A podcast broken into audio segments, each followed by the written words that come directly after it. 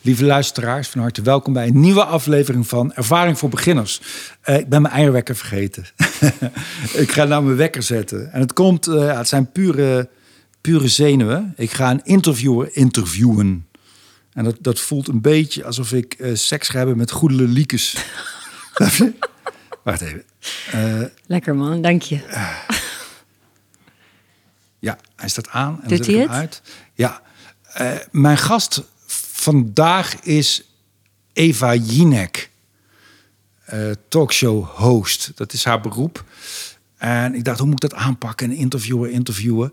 En je, hebt natuurlijk, je bent al een paar keer geïnterviewd. Ik heb wat dingetjes geluisterd. Ik wil niet al die andere, al die verhalen oplepelen die je al verteld hebt. Dus ik dacht, ik ga beginnen met alles te vertellen wat ik over jou weet. Dan hebben we dat gehad. Ja. Hoef jij dat allemaal niet te zeggen? En dan uh, kunnen we daarna gewoon echt gaan praten. Dat is goed. Um, Eva Jinek is uh, geboren in uh, Amerika, in Oklahoma.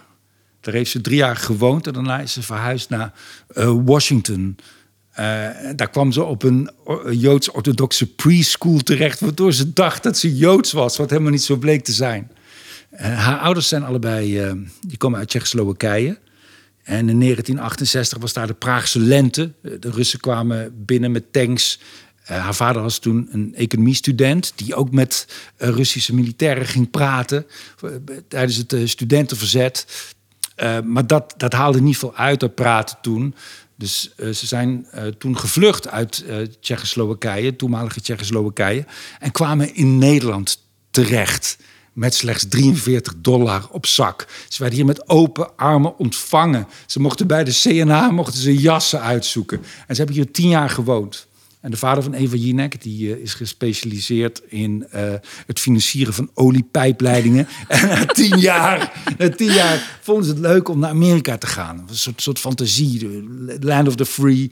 Uh, hij had als kind Amerikaanse bubblegum en hij wilde daarheen. En, dan, en, en samen gingen ze daarheen en daar werd uh, de kleine Eva geboren. Twee jaar later werd haar broer Jan uh, geboren. En ze kwamen in Washington terecht. Op elfjarige leeftijd verhuisde uh, Eva, in, in, 1989 was dat, 1 november, verhuisde ze naar, naar Nederland. Ze, ze sprak de taal niet. ze moest een dicté doen, maar ze wist, ze wist de woorden niet. Ze wist niet hoe het op moest schrijven. De, de leraar zei: schrijf het maar fonetisch op.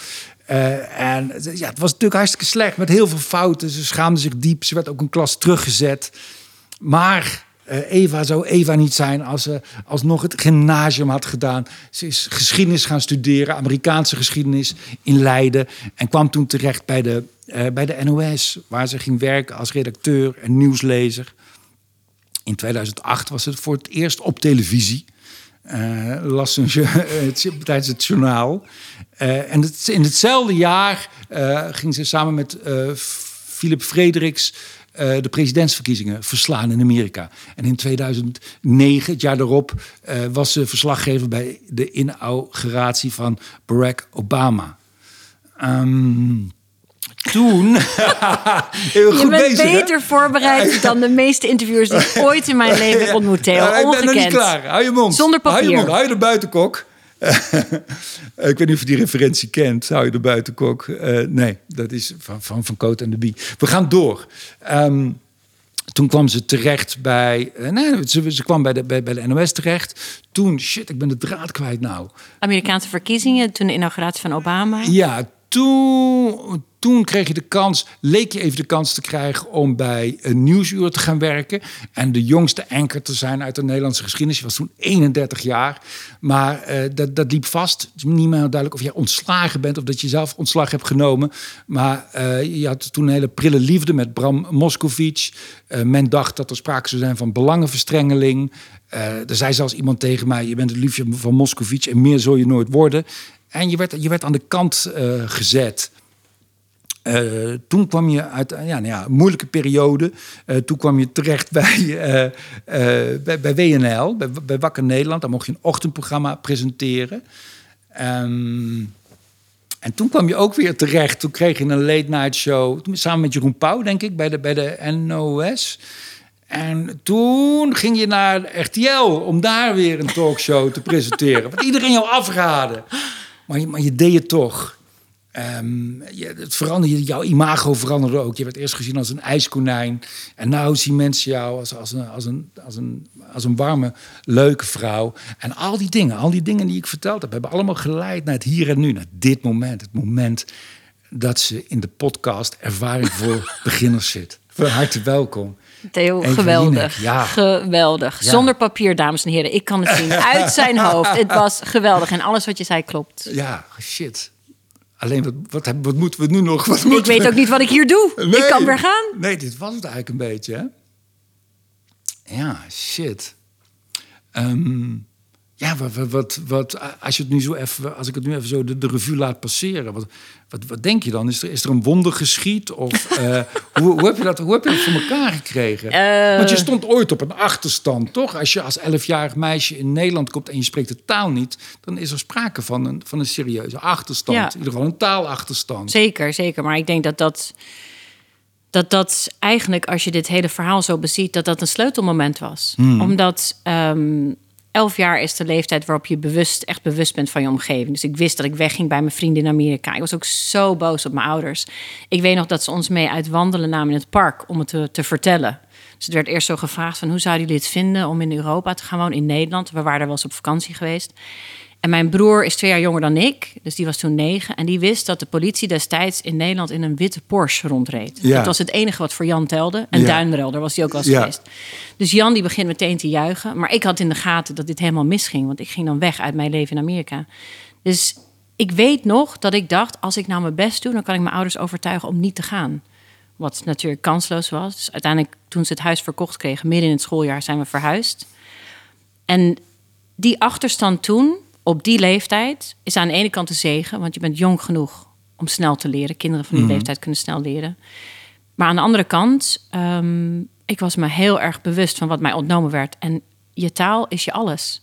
Het is je persoonlijkheid, het zijn je grappen, het is de manier waarop je connectie maakt met anderen, het is je intellect, het is alles wat je hebt. Als dat je ontnomen wordt, dan maakt niet uit hoe leuk of slim je bent. Mhm. Er blijft niets over. Dus ik was die stille idioot in de klas die niks kon. En ik hoorde ze over mij praten, dat zie je, dat voel je. Yeah. En ik had geen enkel instrument om iets te doen. En ik heb toen echt bewust gedacht, wat er ook gebeurt, dit overkomt mij nooit meer. En wat was dat dit? Dat je er niet bij hoort of dat je er niet... Dat ik niet kan praten. Ja. Dat ik niet kan laten zien wie ik ben. Dat alles wat ik in me heb, waar ik altijd op gerekend heb, dat dat, dat, dat weg is. Ik ga zorgen dat, dat ik niet meer zo'n stille hoeft te zijn, maar dat ik gewoon kan praten, dat ik mee kan doen. Hoe lang heeft dat geduurd dat je die stille was?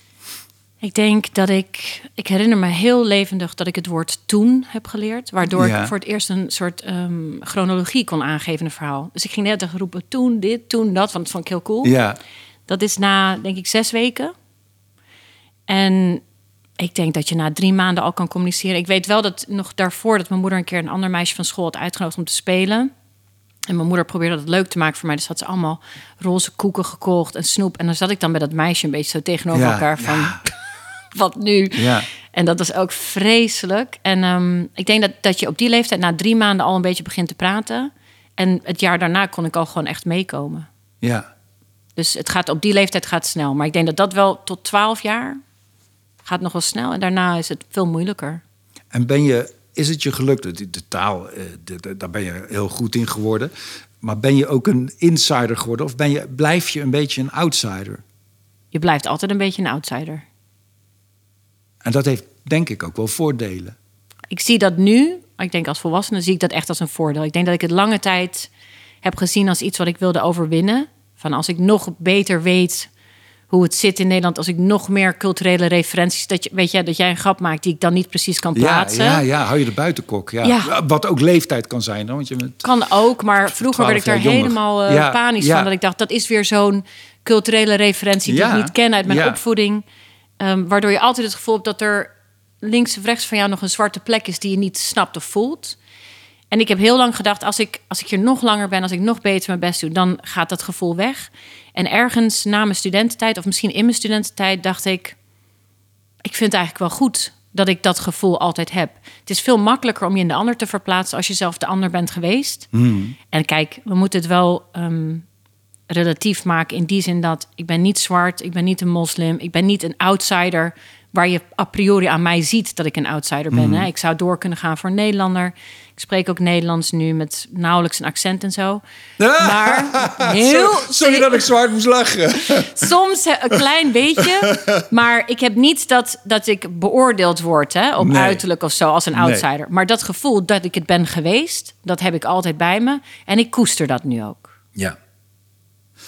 En eh, eh, als we even meteen al toch naar, jouw, we- naar het werk zelf gaan. Hè? Als je in zo'n, midden in zo'n talkshow zit, is daar een soort een, een graad van ideale alertheid. Want ik kan me ook voorstellen dat dat begin waar je nu over, hè, waar, je het over hebt, dat dat ook zorgt voor een bijna een continue overalertheid. Eh, is, da- is of, of is er geen overalertheid als je, een, als je een talkshow aan het presenteren bent? Ik denk, ik schat in dat jij dat helemaal kan herkennen, maar elke zintuig is maal duizend. Alles staat open en aan. Ik ruik mensen, ik ruik alles. ik ruik, eh, ik moet, ik loop vanuit de redactie langs de toiletten naar mijn studio. Ik ruik alles. Ik ruik het eten uit het restaurant, ik ruik de toilet, ik ruik Ja. de deur gaat open, ik ruik de studio, ik ruik mijn gasten. Ik ruik het papier, de printer, ik hoor alles. Je bent gewoon hyper alert. Ja, maar toch zal je uit al die prikkels een selectie moeten maken, wat wel en niet belangrijk is ook. Dat is ook zo, zeker. Alleen ehm, dat is misschien een proces wat ik niet eens. Dat is wel ervaring. Hè, dat, dat rangschikken van alles wat binnenkomt. Dus ik vind het heerlijk dat ik opensta. Ik ervaar het ook wel als een kick. Hè. Alles, Alle zintuigen staan open. Ik ben super gevoelig voor wat mensen zeggen. Of ze verzitten op hun stoel. Of ze me aankijken. Of ze wegkijken. Of ze even ademhalen. Of er een hapering is in hoe ze iets zeggen. Want dan is er iets. Dan is er iets waar ik op moet letten. En alleen door ervaring weet je welke belangrijk is, waar je op in moet gaan en welke je links moet laten liggen. En iets waar dat heel duidelijk in wordt is, kijk, nu hebben we geen publiek in de studio, maar vroeger was er altijd publiek, lekker ramvol, gezellig. Er is altijd iemand die een glas omgooit, er is altijd iemand die tegen de vlakte gaat of raar lacht op een gek moment. Dat heb ik helemaal geleerd om dat moeiteloos uit te schakelen. Ja, omdat, Merk ik, ja. heb ik geen last van. Het brengt me niet omdat, dat, van mijn pad. omdat dat geen informatie bevat Exact. eigenlijk. Die, Doet er niet toe. Ja. En al het andere wat aan tafel gebeurt, hoe iemand naar mij kijkt of iemand wegkijkt als een ander praat, dat zijn allemaal signalen die ik wel nodig heb. En daar sta ik voor open. Dus het filteren van die signalen, dat leer je met, met de tijd. ja, want het is best een maffe balans. Die, die, eh, die, die enorme alertheid en de, de ontspanning die je, die je ook moet hebben. Ja, Of, is dat geen, of zijn dat geen tegengestelde krachten? ik denk dat dat. mm, het moet samengaan, maar ik ben niet echt ontspannen. Dat zou niet waar zijn als ik dat zeg. Dus ik, ontspannen is voor mij als ik, eh, ja, als ik niet al die prikkels binnenkrijg. Hè, dat ik gewoon loom ben op de bank. Dus ik ben niet ontspannen, maar je kan een soort flow hebben... waarin je dus wel al die dingen binnenkomen... waar je super alert bent op wat mensen zeggen, hoe ze kijken... en dat het niet voelt alsof je weerstand voelt. Hè? Dus dat je niet door stroop aan het rennen bent... Ja. maar dat je er doorheen glijdt. Dat het, dat het anderhalf uurtje aan je voorbij, voorbij vliegt. Dat je Ja. denkt, ja lekker, ik snap wat jij wilt. Jij wil er nog op inhaken, leuk, oké. Dat het gewoon makkelijk gaat. Dat is, dat is een ogenschijnlijk ontspannen... maar dat is meer flow, zou ik zeggen. Want ik, neem, ik kan me voorstellen dat jij na een, uit, dat je een uitzending evalueert. Of in je hoofd. Of, k- kijk je terug bijvoorbeeld een uitzending? Ik heb veel teruggekeken toen ik eh, begon. Ja. En ehm, dat deed ik in het begin ook met Jeroen Pauw. Nou, kan je vertellen, dat is eh, dicht bij de tiende ring van de hel. Om samen met Jeroen naar je eigen uitzending te Is, kijken. is die heel streng? Het is niet eens zozeer dat hij streng is. Hij is denk ik een hele goede en rechtvaardige leraar. Hij is ook niet bang om te zeggen dit verveelt of dat moet anders. Het is meer naar jezelf kijken is al moeilijk genoeg. Laat staan dat je dan met zo iemand eh er naar zit te kijken. Dan word je er heel erg bewust van alles wat je doet. Maar het is uiteindelijk wel de enige manier om het te leren. En ik moet zeggen, soms vermijd ik dat ongemak. En dan, weet je wel, dan is het half drie voordat ik slaap. En dan denk ik, nou, ik ga echt niet naar mezelf terugkijken. Of ik kan het gewoon niet meer aan om naar mijn hoofd te, te kijken. Maar ja, het spookt wel de hele tijd door je hoofd. Wat heb ik gedaan? Hoe deed ik dat toen? Waarom heb ik dat laten liggen? Waarom is dat gebeurd? Het is nooit af. Het is nooit echt goed. Het is nooit een tien. Nee, Nee. nooit.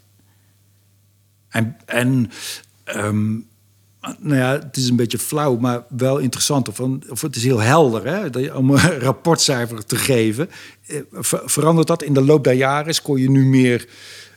Is, is je, je, je laagste al, al gauw een 7? En had je, wa- was het vroeger grilliger? Of, Ja, het wordt minder grillig. ja. Omdat je vanwege je ervaring terug kan naar een soort basis. Ja, dus een ramp voor een talkshow-presentator is bijvoorbeeld een gast die een geweldig, geweldig voorgesprek geeft.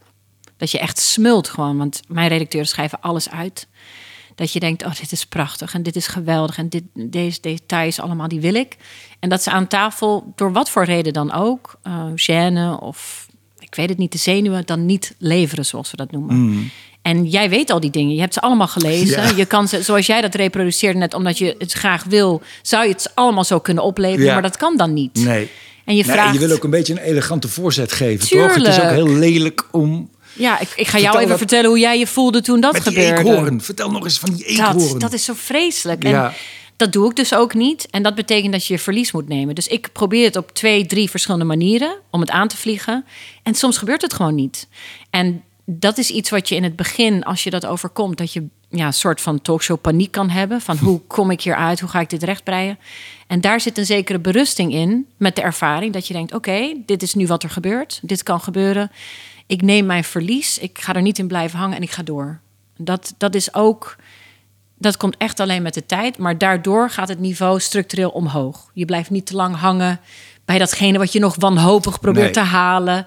Je stapt er overheen. En omdat je er zelf overheen stapt, ben je relaxter. Waardoor de gast Ja. relaxter is. En dan kan je door. Het is net als dat je verspreekt aan het begin van de uitzending. Heb ik altijd verschrikkelijk gevonden. dat voelt gewoon als een achterstand van 10 kilometer bij de start. En dat is waarin ervaring het meest tot uitdrukking komt. Door dat meerdere keren in mijn leven te doen, misschien wel duizenden keer, ik weet het niet, ook bij het journaal, ook bij de talkshow, heb ik geleerd dat moet je direct als ballast achter je laten. Ja. Gewoon meteen. Een keeper die de bal doorlaat en daarna weer er moet staan voor die volgende bal. En die moet gaan, geen rouwmomenten. Juist. Ja. En dat kan je allemaal heel zielig voor jezelf vinden. En je kan ervan balen en scheldkanonades in je hoofd. Is allemaal, doet af aan de kwaliteit van alles wat daarna komt. Dus ik zie het bijna als een luchtballon die opstijgt. Dat is een zandzak. Lozen die hap. Ja. Lukt ja, me niet altijd, dat je dat maar- kan. Want dat kun je, wel, je kan wel denken van ja, dat is de beste manier. Maar dan, dan moet je je, je hersenen daar toch ook maar toe, toe dwingen. Om dat ook ja, daadwerkelijk... maar kan jij dat ook? Eh, ja, ja, denk het wel. Maar er is ook iets in mij. Ik wil ook soms, als ik een voorstelling vaak gespeeld heb, dan wordt dat ook een soort videogame. En je weet precies hoe je, welke bochtjes je moet pakken en wat de ideale voorstelling is. En soms gebeuren er drie dingen en denk fuck, dit, wordt, dit kan geen negen meer worden. En Dat denk je terwijl je bezig bent. ja, en dan Ja. blijf ik wel de hele tijd wel mijn stinkende best doen. Want er, ja, er is geen andere optie. Maar eh, ja, dat is wel ook wel eh, jammer altijd of zo. Maar is dit te zien? Of is Denk dat alleen niet. Nee, bij jou? niet. Nee, maar jij weet het. Vanaf Ja. dat moment weet jij, dit is Ja. geen negen, dit is geen negen. Ja, maar ik ben, bij jou is het denk ik complexer. Omdat ik eigenlijk precies weet hoe, hoe, hoe, hoe de bochtjes van het circuit gaan. En bij jou is er... En, en de autootjes zijn anders en het circuit is anders. Het is nog grilliger, denk ik. En nog onvoorspelbaarder. Misschien, ja, ik weet wat je bedoelt. Dat je zou kunnen denken van, ik weet toch hoe dit moet gaan. Dus ik, dit zou niet kunnen, moeten gebeuren. Maar ja, elke avond is toch anders. Maar is dat fijn? Ja, ik heb altijd zo'n. Ik, zit, ik heb ook wel eens eh, een paar keer aan zo'n tafel gezeten. Ik vind die voorgesprekken, ik vind het zelf zo duf. Ik heb geen zin om twee keer hetzelfde verhaal te vertellen. Is Dat dat, is, dat, is dat nou nodig? Is dat Eh, nou nodig, ja. Eva? Ik zou zeggen, bij, eerlijk gezegd, bij een gast zoals eh, jij bent, zou ik dat niet doen. Nee, Nee. ik snap, kijk, ik heb de beste redactie die er is. De beste talkshow-redactie van Nederland, by far. Ehm, en zij doen niets anders dan proberen om in de geest van hoe wij dit programma maken, alles voor te bereiden, alles voor te zijn, omdat er zoveel onzekere factoren zijn. En zij leggen er ontzettend veel beroepseer in om bij mij te komen met het dikst mogelijk pakket, met alles erin, met fantastische voorgesprekken en te zeggen: Eve, dit is het. Laten we kijken hoe we daar het beste uit kunnen halen. Ehm, dat is voor een onervaren gast of iemand die voor het eerst komt, denk ik wel wijsheid. Maar ik zou zeggen, inmiddels met mijn ervaring en wetende wat voor gast jij bent, die daar niet van houdt, zou ik zeggen, laten we dat niet doen. Want ik weet er expliciet van jou dat je ervan houdt als het niet zo uitgekoud Ja. is. Dat is gewoon beter. Het gaat er uiteindelijk om dat de gast zoveel mogelijk op zijn of haar gemak is. Hè? Ja, ik moet ook zo lachen. Ik, ik vroeg me ook af of je dat expres doet. Volgens mij ben ik één of twee keer bij jou geweest. En ik heb jou, alle keren heb ik jou een half uur voor de uitzending voorbij zien lopen met krulspelden in. en ik dacht even, doet ze dat nou? Expres, Was dat of- maar zo, Theo? Nee, want ik vind dat heel zo? charmant. En dan denk ik even dat je niet voor ons de, de, de opgedirkte Ja. Evelien bent, maar gewoon iemand die daar ook eh, op een beetje onhandige manier het beste van probeert te maken of zo. Wat, Ik ben blij dat het zo werkt. Zo werkt het al bij mij, als ik, als ik dat zie. Dat is goed, dat is goed. Ja. Het is puur incompetentie dat ik gewoon mijn zaken niet op orde heb. Ja. En omdat die ruimte zo klein is, moet ik door de gastenruimte lopen vanuit mijn kleedkamer. En ik heb heel vaak gedacht, oh nee, dan zien ze me zo. Maar ik heb gewoon geen keus. Nee. En dan, dan laat je die ijdelheid varen of zo. En ik ben heel blij als je zegt van dat, het goed, dat het goed voelt. Want ik vind het leuk. Ja, dat is goed. Maar het is echt omdat ik het gewoon niet op orde heb. Dat is het, Het heeft een soort, bijna een soort van intiem, ja, grappige intimiteit die, die, die leuk is. Want, hoe doe je, want dat is ook heel belangrijk hè, bij zo'n, eh, nou ja, je zei het zelf al, weet je wel, ook om die gasten op hun gemak te laten voelen en optimaal te laten functioneren, is, is sfeer is, is heel belangrijk. Hoe eh, denken jullie daarover na? Hoe, hoe, Ja. hoe dat te creëren en, en hoe, hoe doe je dat? Ehm, het begint vanaf het moment dat je gebeld wordt door de redacteur. Ik, zou, ik durf te zeggen dat iedereen die bij ons werkt... heeft dezelfde manier van denken over hoe ze met mensen omgaan. Dus eh, je bent eerlijk, je bent lief, je bent beleefd. Ehm, dus ik sta in voor alle, mensen die met mij werken. Het zijn een soort ambassadeurs van hoe ik erover denk. Daar begint het mee. Dat is niet bij alle programma's altijd zo. En daarna komt natuurlijk het moment ehm, dat je bij ons aankomt. Of de gastheer of gastvrouw jou leuk opvangt. Dat je niet in je eentje verloren in die gastenruimte zit en denkt: waar ben ik aan begonnen? Wil ik hier weg? Dat de redacteur snel naar je toe komt. Dat ze alles over je weten. Dat je mij als een soort verwarde patiënt tegenkomt. Dat ik nog even wel een hand geef en zeg: wat leuk dat je er bent. Ja. Dat hou ik wel altijd kort, Theo. Omdat ik niet. Ja. Ik heb hetzelfde als jij dat acteren, weet je wel. Dus eerst nog praten en dan nog een keer Nee, waar de moet je camera's kruid bij- niet verschieten, dat kan niet. Nee, ja. dus ik wil eigenlijk helemaal niks vragen aan mensen. Ik wil alleen zeggen: hey, wat leuk, fijn, dankjewel. Dan loop ik door. Maar dan hebben ze me wel al gezien. En als ik denk dat iemand het echt moeilijk heeft, dan zeg ik het expliciet. En dan meestal laat ik ook gewoon de rode vlek in mijn eigen nek zien. En dan zeg ik: luister, ik ben al 13 jaar op tv. Ik vind het nog even eng iedere keer. Maak je 0,0 zorgen. Ja. We zijn er allemaal. Ik ben er. Als je het even niet meer weet, ik help jou er doorheen. Er is geen reden om bang te zijn. Dat zeg ik ook gewoon als iemand het nodig heeft. Omdat ik weet dat ik dat fijn zou vinden als ik bang zou zijn. En ik ben me altijd bewust van ehm, zeg maar de risico's voor iemand om aan zo'n tafel te zitten. Je zit met allemaal mensen die je niet kent. Weet jij veel wat ze gaan doen? Dan komt ook nog die witte heks de hele tijd vragen: wat vind je daarvan? Wat denk je daarover? Moet je ook nog een mening hebben? Ik weet de hele tijd hoe groot de risico's zijn, hoe er over geschreven wordt en gedacht wordt. Dus ik probeer heel ehm, invoelend daarin te zijn voor mijn gasten. En ik moet je eerlijk zeggen, als je publiek hebt. Voor de uitzending liet ik vroeger altijd gewoon mensen uit het publiek op mijn stoel zitten. En gingen op de foto, zodat iedereen gewoon even adem kon halen. Ja. En dat is nu allemaal weg de afgelopen twee jaar. Dus het is oorverdovend stil in de studio. Mhm. En als ik dan een grapje maak of iemand anders, dan is er dus niks. Ja, Heel heftig. ja. Ik heb daar geen oplossing voor. Nee, is dat een groot verschil? Ja, ik was te denken om dit zo'n zo'n interview met publiek te doen of zonder. Maar is dat, ik vind het ook wel prettig zo, zonder, zonder mensen erbij. Het creëert er ook wel een bepaalde intimiteit. Die, Zeker, zeker. En veel meer concentratie. ja, Dat is ook aan de talkshowtafel zonder publiek. Alleen bij alle lichtere onderwerpen waarbij iemand ook zelf een gast grappig is of doet of zo. Dat ongemak van dat gekakel van mij alleen, weet je wel. Ha, ja, ja, ja, ja. Vreselijk. Terwijl als, er, als het een levend iets is, hè, het is een soort organisme om je heen. Dat publiek, dat zit dan ook nog rondom ons bij die tafel. Die zitten te, van elkaar aan te stoten en lachen. Moet je dit zien? Ja, daar word je door gedragen. Dat, dat weet jij als geen ander, Ja. wat het publiek met jou kan Ja, doen. Zeker. Ik heb altijd, als ik op een filmset sta en je hebt grappige scènes, dan gebruik ik zelfs eh, de geluidsman en de, de cameraman en iedereen die daar staat als publiek of zo. Zelfs Ja. die, dan voel ik hoe hun concentratie of dat zij hun lachen Ja. moeten inhouden. Of, eh, ja, an- anders weet je niet waar. waar ja, het geluid moet ook ergens tegenaan kaatsen. Dan komt het terug. Precies, Ja. dat gevoel. Dat lijkt me ook een heel lastig dingetje. Eh, eh, want je moet eigenlijk. Bij, hier, we zijn nu in Toemler. En dan heb je ook altijd. Hè, je hebt een MC die tussen. De, comedi de comedians kunnen eigenlijk doen wat ze willen. En de MC is eigenlijk de presentator van de show. En die, diens taak is het ook een beetje om. eh, toch een beetje vriend te zijn met iedereen. En dat lijkt me ook zo fucking moeilijk van jouw vak. Dat je allemaal zulke verschillende mensen aan tafel hebt. En jij moet toch ook je voor- en afkeuren hebben. En sommige mensen soms helemaal niet zien zitten. En moet je dan moet je dan een toneelstukje spelen? Of, is het, ben- of ben jij een verlicht iemand die iedereen op waarde schat? En, en hoe, hoe doe je dat? Tuurlijk. Nee, ik ben niet. eh, nee, ik ben echt niet een verlicht iemand. Absoluut niet. Ehm, en natuurlijk heb ik mijn voorkeuren. En eh, juist omdat al die zintuigen openstaan, ben ik extra gevoelig voor de fake-ass mensen. Weet je wel? Dat je echt denkt, oh.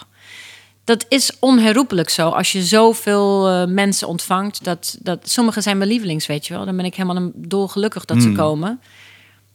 Het is helemaal eigenlijk niet eens meer relevant op het moment dat ik het programma maak, eh, wat ik daar persoonlijk bij voel.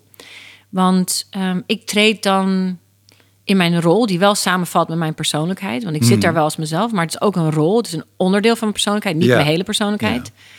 En in die rol is werkelijk waar iedereen op aarde interessant voor mij. Liefst iemand die ik nog nooit heb gesproken. Maar ik geloof ook oprecht dat als jij mij hier zou neerzetten in Toemler, zo leeg, met iemand die ik nog nooit heb ontmoet, het kan niet missen dat ik daar een interessant gesprek mee kan hebben. Want ieder mens, als ze, als ze goed benaderd worden, als ze openstaan voor jou, heeft iets boeiends te vertellen. Dus mijn persoonlijke of particuliere voorkeur voor wie ik mag of niet, en dat heb ik. Dat speelt geen rol meer op het moment dat ik het programma doe, omdat ik daar kom om iets te halen uit iemand, informatie, iets te weten, iets te horen. En dan is het toch nog boeiend. Want wat, en, wat, wat ik ben wel ook wel. En wat, wat is dat dan? Wat, de, de vraag is heel algemeen, maar wat ben je daar nou eigenlijk aan het doen? Ja, wat ben ik daar? Ja, vraag wat, ik me ook vaak af, Theo. ja maar wat wil je. Wil je iets? Wil je iets uit die mensen halen en dat, dat tonen? En, en, en wat is dat dan? Ja. Of wil je alleen maar een amusant, amusant programma maken? of wil je nee, nee, nee. informatie eh, verspreiden? Ja, het is, het is meerdere dingen eh, tegelijk. Maar het is een goede vraag van jou. Want ik denk daar ook echt over na van... kan ik nou echt de essentie uitleggen van wat ik daar aan het doen ben? Maar ik denk dat ik er nu zo naar kijk. Kijk, het is deels informatieoverdracht. Het is deels amusement. Eh, maar uiteindelijk... dit zijn gesprekken in een hele geconstrueerde vorm. Dus een gesprek tussen twee mensen die elkaar kennen bij een bushalte is totaal iets anders dan wat wij daar aan tafel maken. Ik zou het bijna omschrijven als performance art. Eh, het is voorbereid. We weten wie je bent, waarom je bent uitgenodigd. Dat wordt ook gezegd. Het is bijna een dans. Want als ik zeg spel of toneelspel, dan vind ik het te nep. Dat is het Ja, niet. nee. Maar het is wel geconstrueerd. En het is binnen een tijdsbestek ook. Hè? 12 minuten voor die, 18 voor die. Dan doen we het middenblok nog Ja. zes. Nog even reageren. 2 à 3 minuten schat ik zo in. Ik heb een interne wekker die weet wanneer het ongeveer afgelopen moet zijn. En in die zin is het ook een van de allermoeilijkste dingen die ik ooit heb gedaan. Want het is iedere avond met andere mensen, andere verhalen. Toch nog in die geconstrueerde werkelijkheid. Ik laat jou in deze. Het is bijna een soort levende tijdschrift. Dit hier, dit is het serieuze onderwerp wat we behandelen. Oh, wacht even, de horoscoop komt er tussendoor. Die wil ook nog wat zeggen. Dan het lichte deel. Dus het is echt een magazine met dat hele palet aan gevoelens en informatie. Met in spel samen met die andere mensen. Zij weten ook waar ze komen. Zij zitten ook waar de camera's bij zijn. Dat weten ze. Ze zijn niet zoals ze zijn boven in de gastenruimte. Dus je komt in een soort andere werkelijkheid waarin je informatieoverdracht, amusement en het gesprek, art of the conversation, ook beschouwt. Want wat je, wat, je net, wat je net ook zei over hoe mensen benaderd worden, toen noemde je drie termen. Je bent eh, lief, eerlijk Beleefd. en beleefd. Ja. Nog Zijn dat ook ingrediënten die, die uiteindelijk, bedoel, dat zijn die, die in het product moeten komen eigenlijk? Ehm, beleefd altijd. Eerlijk. Ja, maar niet in de zin van dat ik mijn mening bij alles geef, want dat is niet interessant. Lief. Als het oprecht is, maar anders niet. Ehm, het liefst heb je het hele palet. Kijk, ik Ja. kan natuurlijk ook, eh, denk ik, onaangenaam hard zijn. Maar wel fair. Dat is Ja. belangrijk. Ik naai niemand in het programma. Nooit. Ja, dat, dat vind ik. Want ik, ik heb wel eens. Ik moet eraan denken. Ik moet aan, aan de drie J's denken en aan Nick en Simon. Ik dacht, ik, ik hou daar niet zo van. Ik denk, ik wil toch eens luisteren. Dat moet een kwaliteit hebben. Dat kan niet anders. Zo zoveel mensen het, het leuk vinden. En ik gaf het helemaal geen kans. Toen ging ik eens luisteren. En toen dacht ik, oh wacht, ze zijn eigenlijk de hele tijd mensen aan het troosten in die liedjes. Ze zeggen eigenlijk de hele tijd, ik weet dat je het moeilijk hebt, maar het wordt beter. Vertrouw me, het wordt beter. En dat zijn ze eigenlijk in allemaal verschillende liedjes de hele tijd aan het zingen. Toen dacht ik, ah, oké, dat zijn ze dus aan het doen. En dat is de kwaliteit. En daar, daar zocht ik ook een beetje naar eigenlijk bij, bij jouw shows. Van wat dat dan is. Is het Ja. iets verbindends? Is het, is het, of, of zit dat er helemaal niet in? Zit ik naar iets te zoeken wat er Nee hoor, er ik denk dat het, dat het altijd zinvol is om... eh, Want uiteindelijk zou ik dat ook moeten kunnen definiëren. Maar het is wel meer diffuus dan alleen maar bijvoorbeeld troost bieden. Ja, Ehm, kijk, het is ook in die zin ook heel banaal. Het is het einde van de dag. Als het goed is, heb je een hele dag achter de rug. Je bent moe, je hebt gewerkt, je hebt kinderen, wat dan ook. Ik wil je ook wakker houden, dus ik moet je ook boeien. Je moet Ja. ook zin hebben om naar mij te kijken. Je moet aan mij voelen dat ik zin heb om van die mensen iets te horen. Want dan, dan krijg jij ook zin. ja. Dus ik ben er ook om je te vermaken met, met mijn interesse en je Ja. mee te nemen. Eh, dingen waarvan je niet van tevoren wist dat je dat wilde weten, ga ik jou vertellen dat het de moeite waard is. Ja. Moet je even wakker blijven, want dit komt nog. Dat is lachen. Dit moet je horen. Soms vertel ik ook echt dat ik iets grappigs vind.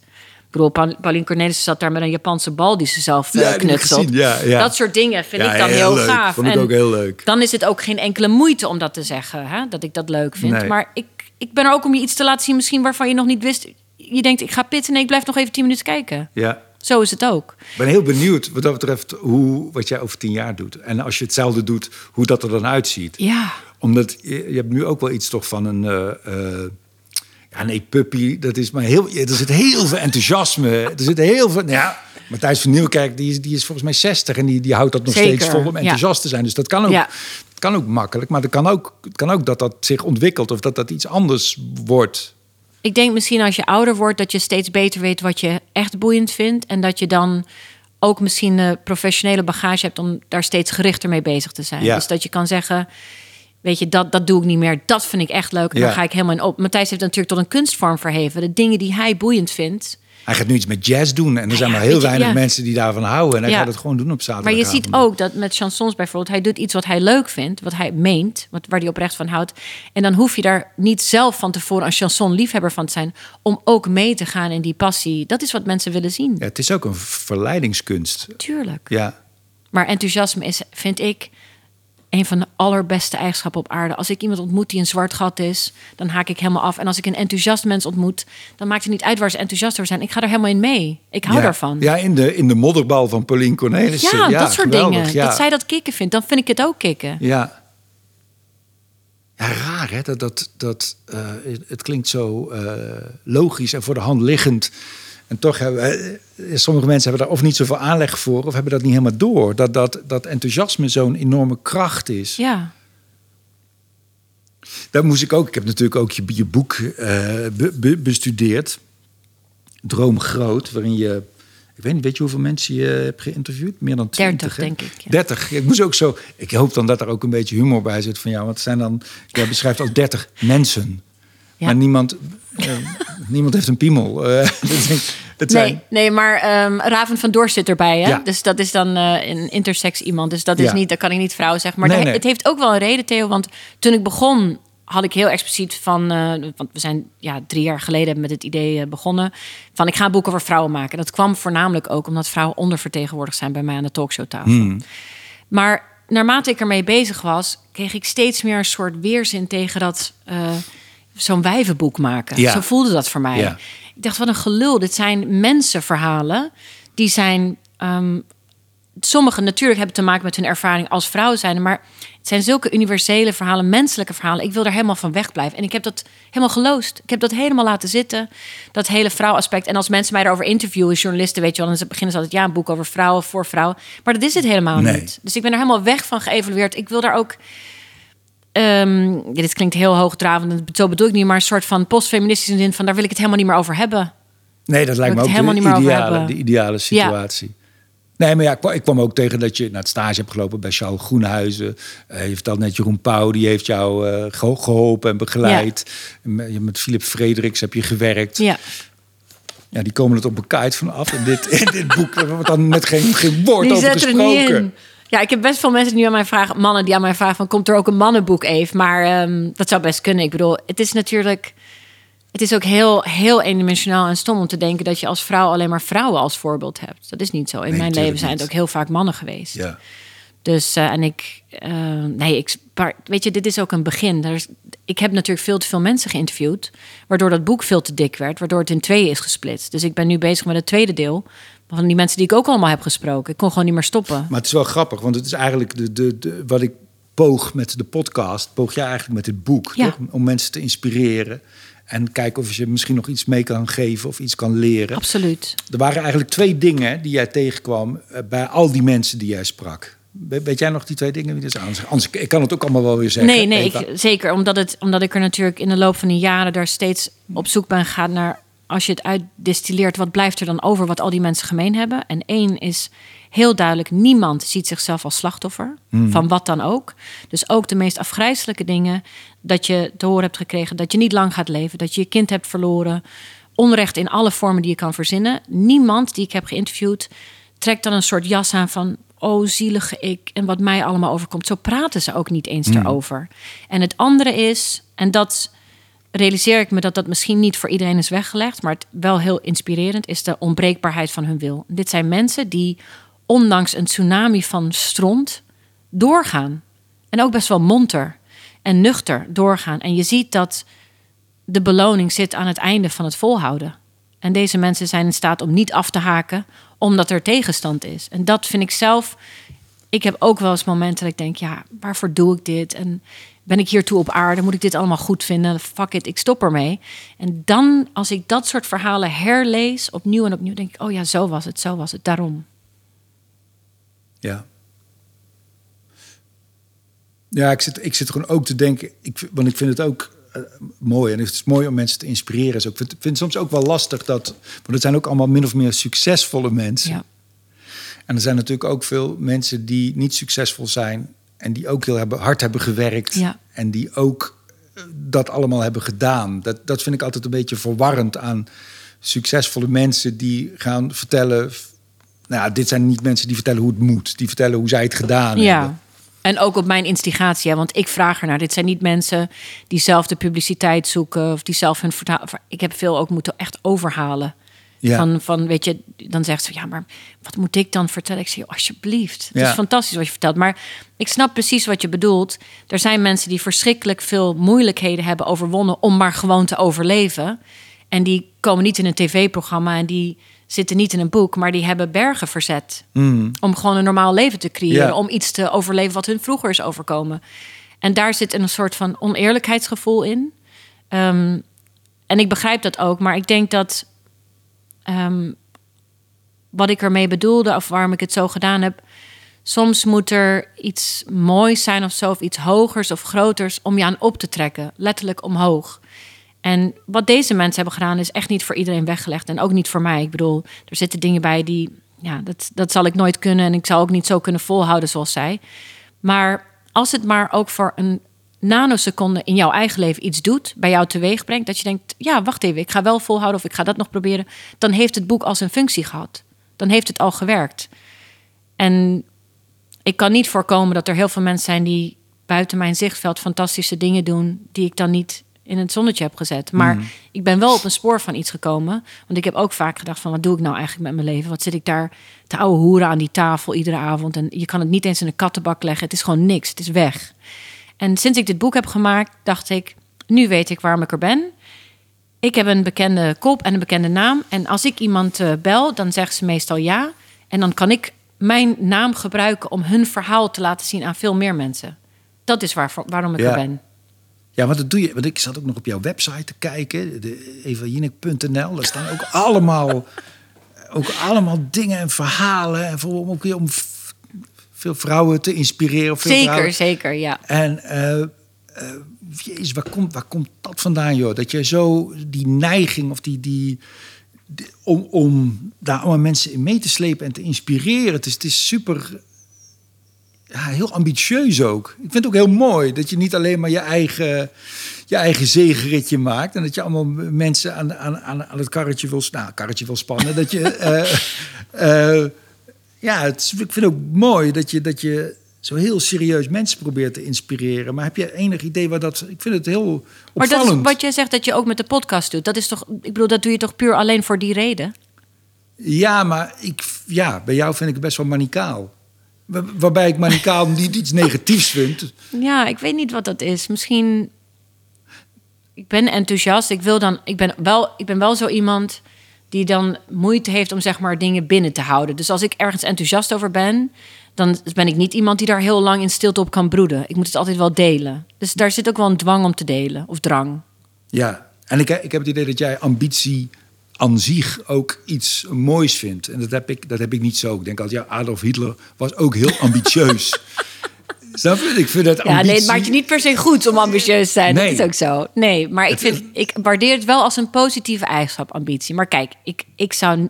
Uh, permitteer me dat ik over jou nu wat zeg, maar iemand zoals jij, met wat jij doet, jij bent extreem ambitieus. Jij wilt dat wat jij doet um, beheersen, tot in de laatste vezel, tot in perfectie uitvoeren. Dit is geen hobbyisme wat je doet. Dit is uh, persoonlijkheid en kunst en vak komen samen. En als jij dan zegt, ik ben bezig en drie dingen zijn niet helemaal perfect gaan en het is net geen negen en dat weet ik voor de laatste twintig minuten van de voorstelling, dat is dat dat extreem ambitieuze, wat zit hem tot in de dwang voor de laatste details moeten kloppen. Dat heb ik natuurlijk ook. Alleen, ja, dan wordt het zichtbaar bij dit soort dingen. Mm. Het is hetzelfde als jij. Kan het ook... Ja, ik denk ook... En toch denk ik dat het ook... En ik, ik die analyse heb ik nog niet gemaakt. Ik denk dat het ook in de weg kan zitten, ook uh, ambitie. En dat, dat ook... Uh, uh, dat je daardoor te veel in een tunnel komt en dat je daardoor ook heel veel mist. Wat je rijker maakt als mens. En wat je vervolgens weer kan delen als, als, als maker. Ik denk dat het ook een risico is. Ja, ja. Dat is ook zo. En dat is ook moeilijk. Daar, het is geen exacte wetenschap. Dus niemand kan jou zeggen: laten we een dosis ambitie doen. Maar daar stoppen we even. Want dan moet je even op die plek, daar op die berg, even rondkijken en genieten. Want dat brengt diepere inzichten. Dat is ook zo. En als ieder mens uh, worstel ik ook met de uh, balans van wanneer is het genoeg? Wanneer is het hmm. goed genoeg? Wanneer is mijn zelfkastijding een motor om beter te doen? Of haalt het me onderuit terwijl het eigenlijk goed gaat? Wanneer is het destructief? Wanneer, is het, wanneer mag je streng voor jezelf zijn om jezelf te duwen naar de volgende stap? Of wanneer is het idioot? Hmm. Wanneer ga je eens even rustig zitten en zeggen: Dit was leuk. Ik ga even om me heen kijken en er ook van genieten. Waarvoor heb je het anders gedaan als je er niet van geniet? Dus ik, ik zoek voortdurend ook naar, uh, naar die balans daarin. En ik, ik ben het met je eens dat het een risico heeft. Het is ook een motor, het is ook een raket, het is ook wel lekker. Maar ik heb ook wel natuurlijk um, een paar keer in mijn carrière iets meegemaakt waardoor ik heb moeten leren om mijn werk en mijzelf uit elkaar te trekken. Omdat ik zag het altijd als een pre dat ik mijn hele hebben en houden in mijn werk stopte. Daarom ben ik goed, daarom heb ik zoveel ambitie, daarom ben ik gemotiveerd. Maar als het dan niet goed gaat, voor wat voor reden dan ook, wat zegt het over mij? Hmm. Wie blijft er dan over? En ik weet nog heel goed, ik was uh, acht maanden en een week zwanger, 92 kilo. nou, echt niet normaal. Ik had een te hoge bloeddruk, dus ik moest iets eerder stoppen met presenteren. En um, ik was in de veronderstelling, ik word vervangen door iemand anders tijdelijk. En dan is het decor anders. Het wordt anders voor mijn collega's om met iemand anders te werken. Het programma wordt anders. En ik zit thuis als een beached whale daar soort bij te komen. ik kijk naar mijn programma en het is praktisch identiek. En het loopt gewoon door. Ja. Ik was 100% vervangbaar. Ja. Van de ene dag op de ander. Nou, dat, dat als je jezelf zo vereenzelvigt met je werk, is dat een mokerslag. Ja. Waar ik moeilijk overheen kon komen. Moest ik echt met die buik zat ik daar. Ik dacht, ik, ik dacht tegelijk ook, ik moet me niet druk maken, want ik ben zo zwanger. En Bloeddruk is al zo hoog. Ja, precies. Relax, relax. Dat was een hele goede les. En, ehm, Hoe zei je dat nou? Ik vond het heel mooi gezegd. Van dat, je, eh, dat wat je deed en wie je was, dat je dat kon scheiden. Ja. Ja. Ja. Dat moest gewoon even. En die les ben ik niet vergeten. Dus als ik weer eens meega in die golf van gekte... Hè, want dan zit ik midden in een talkshow seizoen... en dan is dat het middelpunt van het universum en zo dan denk ik ook wel eens van, wacht eens even, Evie, je bent ook iemand anders en daar moet ook iets anders erbij zijn, want anders is het leeg. En je bent vervangbaar. Morgen zit er iemand anders op je plek. Je collega's vinden het leuk, de kijker vindt het leuk. Het is alsof je soms alsof je niet bestaat. En met een ego die hoort bij een gezond, hardwerkend, leuk mens, dat, dat is gewoon heftig voor je ego. Ik vond het toen heel moeilijk. En dat is ook wel zo dat uh, toen ik het boek ging maken, dacht ik ah, ik kan ook iets doen waar ik ontzettend veel bevrediging uithaal, waar ik als mens bevrediging uithaal, zonder dat daar een camera bij is. Ja. Vond ik ook heel fijn. Want dat is ook een interessant fenomeen, toch? Het, het ego. Ja, vermoeiend fenomeen. En, en, en een motor is en een fucker. Ja. En, en heb je die, mo- moet je die eh, dresseren of heb, je, heb je die al gedresseerd? Of is Nou, dat die, ik denk dat die af, dat is net een tuintje. Die moet je voortdurend bijhouden. Anders groeit hij helemaal uit zijn voegen. Dan wordt het een soort jungle waar Ja. je in leeft. Dus nee, die moet je voortdurend bijhouden. Ik denk ook dat je eh, ook wel andere tuinmensen moet verzamelen om je te helpen om die tuin bij te houden. Ja, voordat die helemaal, want wij kennen allebei genoeg mensen die de tuin niet hebben bijgehouden. Zal ik lekker door blijven gaan in mijn, mijn voorbeeld hier? ja ik, ik verdwaal in de... En ik zat te denken aan schaamhaar toen je zei van bijhouden. En toen zat ik helemaal in de schaamhaar. Lekker bezig. Ja, bedankt. Dat Ja. beeld heb ik nu ook. Ja, dat moet je ook een beetje bijhouden. Maar we stappen even uit de visuals. Maar je weet wat ik bedoel. Je moet Ja. hem, denk ik, ja, je moet hem toch altijd. eh, je moet je ego. Je hebt hem nodig om dingen te doen. Maar hij moet ook in Terug godsnaam. ja, alsjeblieft, beperkt. Ja. Want je zit nou, want ja, wat. Nou ja, dat, dat, die, die hele weg die je hebt afgelegd. En nu op prime time. Is dat prime time? Ja, dat is op Ja. prime time. En eh, ja, het is een late night show. Dus dan Ja. is het prime time van een late night show. Die presenteer je nu. Ja, is er dan nog een stap te maken of zo? Ik, ik weet niet, ik zou niet weten wat nu de, de stap zou moeten zijn. Ehm, ik denk, als je puur op tv-technisch gebied kijkt, dan zou je zeggen van ehm, maak je een succesvolle zaterdagavondprogramma. Wat een ander métier is ook, hè? ander look en Ja. feel. Maar ik kom Ja. uit de journalistieke hoek. Dan is to- late night talkshow het hoogst haalbare. Ja, Maar het is wel zo, ehm, omdat wat ik zei ook, dat het iedere avond anders is en dat het nooit goed is, is het wel heel erg niet het gevoel alsof ik uitgeleerd ben. Nee. Hè? Ik heb heel erg het gevoel alsof dit jaren aan ervaring kost voordat je het een beetje in de vingers krijgt. Ik heb, ik heb heel vaak het gevoel gehad van ik ga nu dood. Want net voordat ik live ging, je ziet zo'n aftelklok boven. En die, dat zijn van die rode letters, nummers in, in het zwart. En die komen ook in mijn dromen terug. En die tellen natuurlijk af naar nul. ja. En soms is het die laatste drie seconden voordat het begint... dan is het alsof je hart soort wegzakt naar beneden. En ik dacht het, nou, ik heb gewoon een near-death experience elke avond. Dat wordt wel beter met de tijd, maar helemaal weg is het niet. Is, is ook dat je op dat punt bent, maakt misschien ook hè, dat je, je je ambitie bereikt hebt, maakt ook dat je misschien ruimte over hebt, ook om andere mensen te helpen om hun ambitie waar te maken. Ja, om andere mensen dat te leren of te helpen. Ja, ja. zeker. Te vind- inspireren, ja. ja, ik vind het heel leuk om het... Ik ben niet een solistisch iemand. Ik werk graag met andere mensen en ook wel met jonge mensen. En er zit iets geks aan om iemand op te leiden die jouw werk gaat doen. Omdat, maar als je die waarheid hebt geaccepteerd dat iemand anders jouw werk gaat doen... en dat er een jonger iemand komt en een beter iemand... Dat is ook een werkelijkheid die je onder ogen moet zien. Je bent niet onvervangbaar. We weten allemaal hoe treurig het is van die mensen op tv die maar niet weg willen gaan. Weet je wel? Dat je denkt, hou het chic. En ehm, ik denk dat ik gewoon opnieuw aan een andere carrière ga beginnen. Ik denk dat ik dit voor. Ik ben niet uitgeleerd. Ik sta echt wel aan het begin nog. Maar ik voel aan mijzelf dat ik iemand ben die nog iets anders ook gaat doen. Ik ben benieuwd wat dat dan zal zijn. Iets met tuintjes, tuinieren. Als we dan e- nou, even vakinhoudelijk, dat vind ik wel spannend om het daarover te hebben. Van, nou, want beginnen, dat is, dat is niet waar. Je, je bent. eh, eh, je hebt al een heel, heel stuk afgelegd van, van iets wat misschien achter, met terugwerkende kracht een marathon blijkt te zijn. Maar eh, la- laten we iemand pakken als, eh, eh, eh, om, maar, om het wat helder te krijgen, als Jeroen Pauw. Ik neem aan dat het iemand is die je bewondert, die je heel goed vindt. Mhm, zeker. Wat kan, hij, wat kan hij wat jij nog niet kan? Zijn dat concrete dingen? Kijk, dat is, het is een X-factor. Maar ehm, Jeroen heeft een eh, losheid in zijn beheersing. Die ik heel mooi vind. Dus het ziet er ogenschijnlijk moeiteloos uit. En hij is heel goed in het meenemen van zijn persoonlijkheid, maar op een niet storende manier. Het is altijd Jeroen Pauw die daar is. Dat zie je aan hoe hij een grap maakt of hoe hij reageert op dingen. Maar ik denk dat wat ik bij hem zie en wat ik leuk vind om naar te kijken, en goed ook, is die ehm, ehm, gerust in wie hij is, zelfverzekerd, losheid, wat scherpte niet eh, ondermijnt. Dus de verwarring is als je begint van als ik scherp wil zijn, dan moet ik ook streng zijn en hard zijn en dit allemaal in die hoek.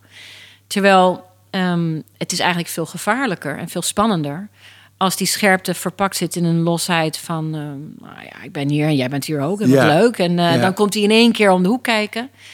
Dat hangt samen met persoonlijkheid, zo is Jeroen ook wel. Ehm, En tegelijkertijd hangt het ook samen met ervaring. Dus ik denk, Ja, dus je kan ontspannen, omdat je weet wat er komen gaat. ja.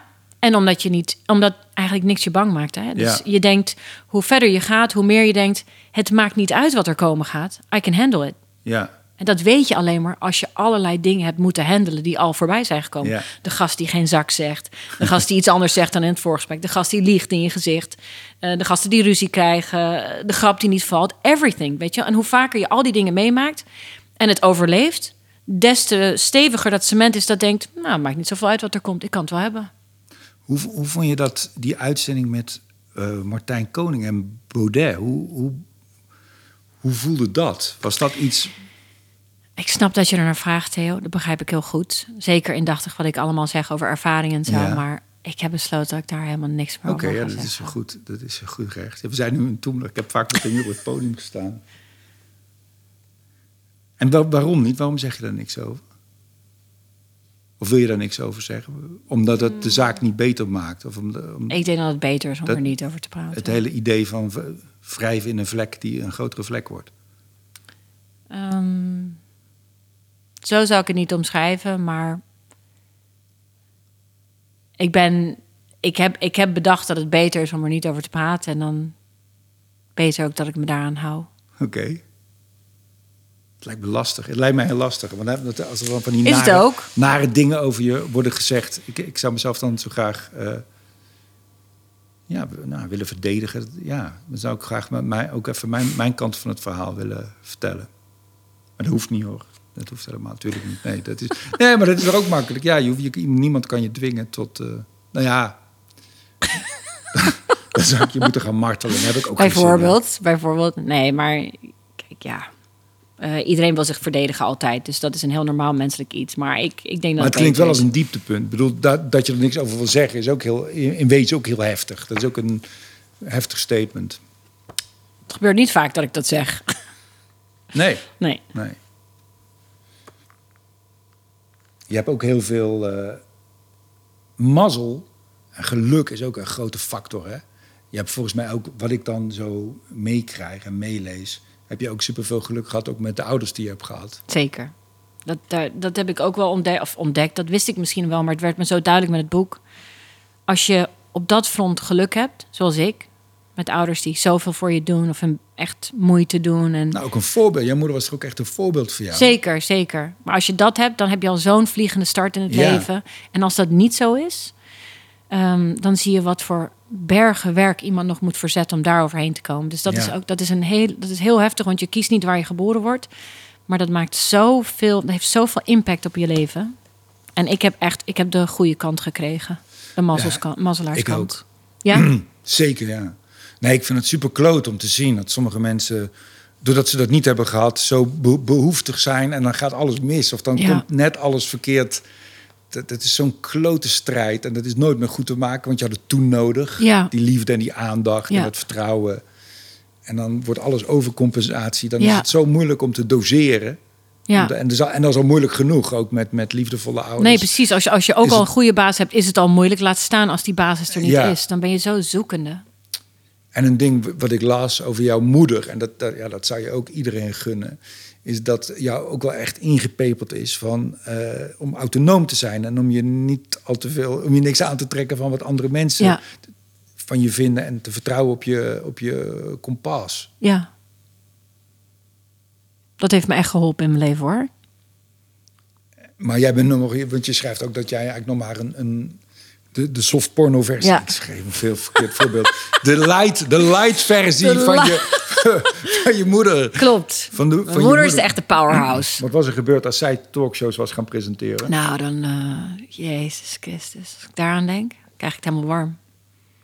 Mijn moeder is gewoon... ehm, ja, hoe zal ik het zeggen? Mijn moeder is voor niemand bang. Ook helemaal niet gevoelig voor autoriteit. Maar zij is ook niet bang om, een, om, om het gewoon te zeggen wat ze vindt. Heeft ze voldoende eh, gevoel voor situatie? Nou ja, kijk, dat is, dat is een kwestie van beoordeling. ik moet ook aan mijn eigen moeder denken namelijk. Die, Is zij eh, ook zo? Ja. Gewoon echt gewoon tegen mensen dingen zeggen waar jij bij staat. Dat je denkt, oh alsjeblieft mama, ja, zeg het niet. Ja, ja, ja.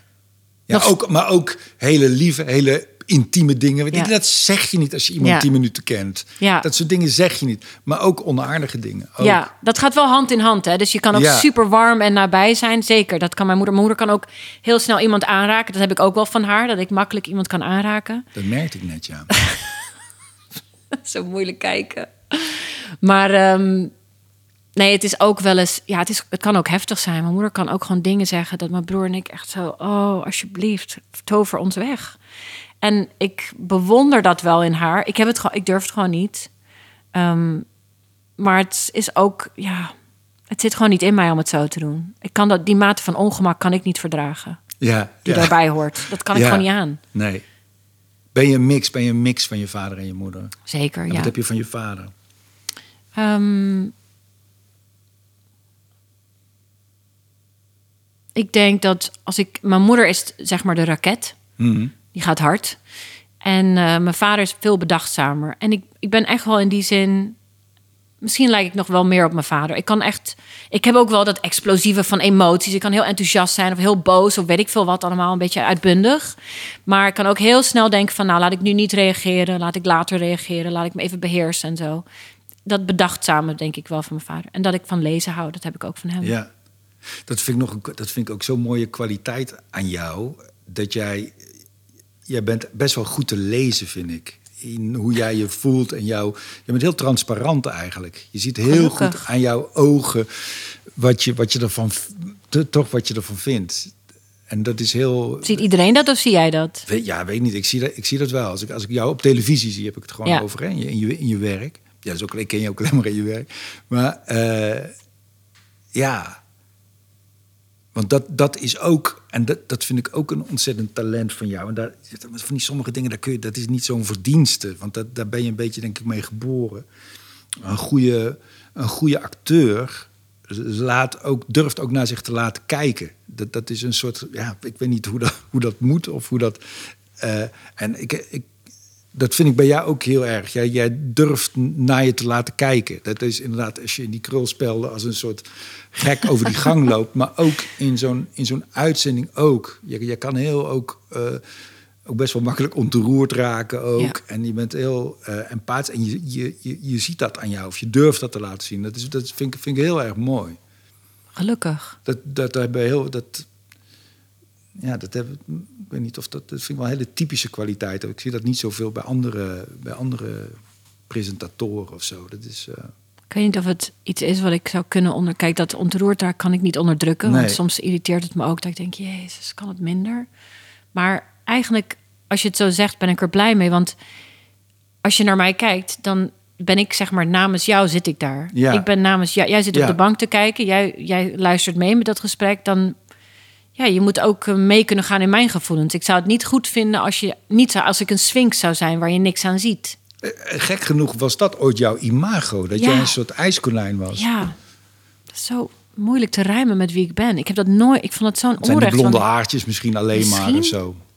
ik vond het wel. eh, Hitchcock die had vaak van die Ja. ijskoninginnen. eh blauwe ogen en wit haar. ja, en nou, daar lijk jij dan een, Ja. beetje. eh, Dat, dat type ben jij, maar dat is inderdaad alleen maar eh, uiterlijk. Ja, we hadden het net even over Jeroen Pauw, die, die ik ook hartstikke goed vind. Maar ik denk dat hij in die zin ook wel dingen van jou kan leren. Hij heeft dat niet zo. Bij hem heb ik altijd van, oh ja, hij denkt er het zijne van. En wat dat dan precies is, eh, dat, dat, dat, dat weet ik dan niet. En, eh, daar zit, en daar zit ook wel iets, iets superieurs in. Zo vind ik altijd ten opzichte van de mensen met wie hij praat. Dat is mijn interpretatie. Ik weet helemaal niet of dat zo is. En dat, eh, nou ja, dat, dat heb jij weer helemaal niet. Dus ik vond nog een paar hele goede dingen ook in het, in het, in het boek staan. Ook, want ik ben ook een feminist. Ik zie mezelf ook als een feminist. Heel goed, Theo.